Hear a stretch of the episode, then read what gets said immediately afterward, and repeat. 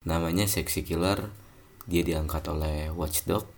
Dan sebenarnya energi di Indonesia tuh banyak. Oke revolusi industri. Kita butuh lapangan kerja. Bukannya bertani juga bekerja ya? Mungkin ada.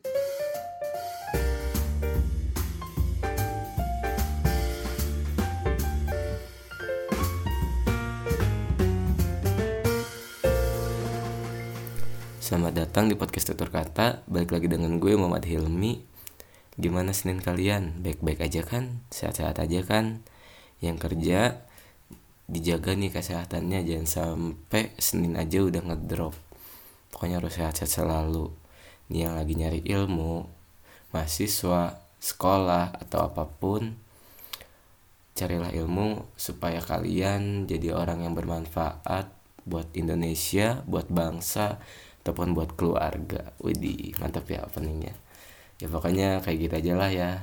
Maaf juga nih suaranya agak serak-serak ganteng, lagi kurang sehat, tapi ada topik menarik yang harus diangkat. So, kita langsung masuk ke topik. This is podcast tutur kata. Enjoy listen. And that's not nearly all. Love. Di episode 5 kali ini gue bakal bahas tentang video yang sedang viral. Yang menurut gue ini keren banget dan lu wajib nonton. Namanya Sexy Killer. Dia diangkat oleh Watchdog Terima kasih banyak karena udah membuat pola pikir gue. Mungkin orang-orang yang nonton juga lebih mikir Lebih bisa tahu kenapa Indonesia kayak gini Kenapa Indonesia nggak bisa maju sekarang Mungkin ya kayak gitu. Terima kasih banyak. Semoga kalian baik-baik aja. Watchdog semakin maju semakin lancar dan semakin bikin Indonesia bisa berubah. Di sini gue bakal bahas tentang batu baranya. Kenapa batu bara? Karena listrik yang kita pakai itu dari batu bara. Lo bisa nonton sendiri dari video yang udah didokumentasin dari sini. Dan pusatnya itu kebanyakan di Kalimantan waktu itu gue pernah ke daerah Kalimantan Timur dan gue lihat sendiri di sana itu ketika gue lewat jalur darat eh jalur darat jalur air gue pakai kelotok dan gue lihat dead forest gitu men. Maksudnya dead forest ya mungkin itu akan ada pembebasan lahan di sana. Bakal dijadiin tambang. Dan ketika gue lewat jalur darat itu masih asri. Asri banget hutannya luas dan masih banyak pohon tinggi kata kan gue pakai travel di sana. Pakai travel ke hutan penajam 8 jam dari balik papan eh 8 ya sekitar 8 8 jam gitu ya 3 jam 5 jam lah pokoknya sekitar segituan. Pakai travel terus si bapak-bapaknya cerita dulu saya di sana itu nemu warga. Ya warga di sana itu masih kurang gitu edukasinya. Ya mereka masih belum bisa ngolah apa ada kekayaan yang ada di sana dan akhirnya dimanfaatkan oleh orang-orang berkepentingan untuk ngedirin tambang. Dan warga itu dijadiin pekerja di sana. Tambangnya ada yang legal ada yang ilegal. Nah ini yang ilegal ini kan bahaya gitu kan. Itu dari 2014 gue di sana 2014 gue berapa hari di sana tuh ya? Lima hari seminggu gitu apalagi. Itu dari 2014 sudah ada masalah ini gitu. Dan bayangin aja 2014 15, 16, 17, 18, 19 5 tahun mungkin dari dulu-dulu juga udah ada. Nah dengan ada video ini orang-orang bakal orang-orang tahu gimana kondisinya. Ya lu lihat sendiri nanti ini udah segede apa gitu kan. Ya sampai-sampai ada warga yang bilang bahwa dulu ini tuh sawah banyak dan akhirnya jadi sedikit-sedikit hilang hilang hilang hilang. Ya udah akhirnya jadi tambang dan jadi kubangan besar gitu. Sedih liatnya sedih banget gitu. Ya karena di, di tempat gue sendiri juga sama gitu kan. Dulu banyak sawah dan sekarang banyaknya pabrik gitu kan. Oke revolusi industri. Kita butuh lapangan kerja. Bukannya bertani juga bekerja ya. Mungkin ada gengsi-gengsi emang bener sih. Gengsi itu nggak bisa dipungkiri. Ketika orang-orang bertani ya kayaknya gengsi padahal enggak. Sebenarnya itu lebih manusiawi sih kata gue lebih ya lu bisa lebih jadi manusia aja gitu kan. Ketika lu bertani efek buat warganya tuh efek buat orang lainnya tuh lebih kerasa. Bukan cuma mikirin diri sendiri tapi juga mikirin orang lain.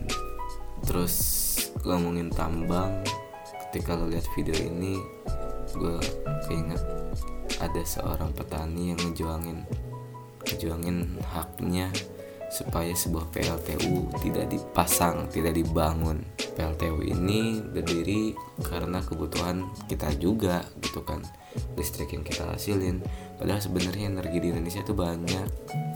Dan ada juga pencetus, ada juga orang-orang yang hasilin energi dan itu bisa.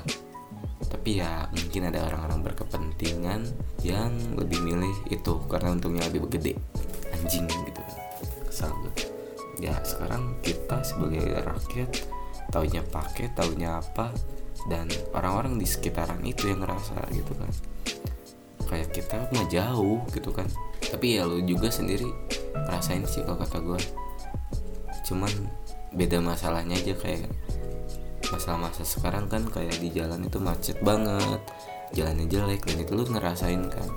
Padahal kepentingan-kepentingan di atas itu beda. Kayak misalkan aspal itu udah rahasia lah ya rahasia umum kok kata gue yang dilebih-lebihin dan itu lama. Coba masang aspal di pas penghujan gitu kan musim hujan itu udah nggak logis lah. Banyak sih itu ngomong Indonesia terlalu luas keresahan gue dan di video ini keren sih itu bikin kita mikir bahwa sesungguhnya sebenarnya Indonesia itu banyak potensi dengan kekayaan-kekayaan alamnya tapi karena kita susah ngolah edukasi kita kurang dan orang-orang pintar itu mikirin diri sendiri akhirnya kayak gini. Akhirnya jadi sebuah bisnis yang hasilin yang ngehasilin buat diri sendiri bukan buat sesama manusia. Oke okay, ngasih lahan pekerjaan ya oke okay lah usaha gitu kan ya, tapi maksud gue ketika lo diaping dengan orang-orang yang besar dan itu ngerugiin sekitaran lo menurut gue nggak usah sih. Lo nggak usah usaha lah. Ya tolong dong gitu kan. Hargain juga lu juga manusia gitu kan. Lu minta bekengan sana sini dan warga-warga rakyat-rakyat kecil itu geram. Gak bisa apa-apa gitu kan taruh datang pemerintah dan bilang bla bla bla bla bla dengan janji-janjinya akhirnya ke bawah. Ada yang protes dibawa nggak protes tetap dibawa harus gimana? Bingung kan? Gue juga bingung. Kadang-kadang orang yang berpendidikan tinggi itu lebih bisa ngelola orang-orang yang kurang berpendidikan. Salah sih seharusnya. Kalau bisa ngebawa lebih baik sih bagus. Tapi kebanyakan sekarang tuh lebih ngebawa mereka ke jalur yang nih gue punya ini lu harus nurutin gua. Dar efeknya blam. Nah, kayak gini lah efeknya. Barbar di mana mana gitulah. Lu mau ngerubah Indonesia walaupun status semuanya ngerubah karena gue keinget kisah Nabi sih. Ketika Nabi Ibrahim dibakar ada seekor burung pipit sejenis lah ya sejenis burung pipit yang ingin membantu Nabi Ibrahim supaya nggak kebakaran dengan cara menyiram Nabi Ibrahim dengan air. Tapi kan namanya seekor burung pipit gitu kan kapasitasnya nggak akan besar. Tetes-tetes tapi dia pengen ngerubah. Cuman di situ ada yang tertawain cicak ngertawain burung pipit. Eh lu ngapain sih gak akan bisa juga gitu kan. Tapi di sini gue mikir gue kutip nih ya bahwa seenggaknya kita tuh tahu kita di mana apa yang mau kita rubah walaupun cuma setetes. Dan itu bakal jadi perubahan. Ketika misalkan ya gak ada yang peduli dan hanya seekor dari seekor ketika dia lihat mungkin beribu-ribu ekor walaupun setetes tapi itu bisa ngerubah seenggaknya kayak gitu ketika cuman satu triggernya dan orang-orang ini tuh mikir akhirnya ada beribu-ribu tetes yang datang akhirnya ya bisa. Dan sama aja masalah juga kayak gitu gitu. Indonesia itu bisa dirubah ketika orang-orang itu mau mau gitu kan. Cuman ya tolong trigger gitu. Anjing-anjing perusahaan ini nih gue kesel anjing. Sumpah mereka benar-benar mikirin diri sendiri gitu. Mereka pinter cuman ah fuck man gitu kan. Lu cuman mikirin diri lu sendiri buat apa sekolah tinggi tinggi gitu kan. Kalau menurut gue sih ini udah akhir zaman kali ya. Lagi Indonesia hancur gitu kan. Ya mudah-mudahan seenggaknya ada yang mau merubah lah. Walaupun status tolong share video ini ke teman-teman lu supaya teman-teman lu ngeliat teman-teman lu nge-share lagi ke teman-temannya dan akhirnya orang-orang tahu Indonesia itu lagi kayak gimana. Kayak gitulah pokoknya. Di sini jelas banget. Ini keren banget. Lo wajib nonton. Ya paling kayak gitu sih ya. Capek ini. Gue kurang enak badan.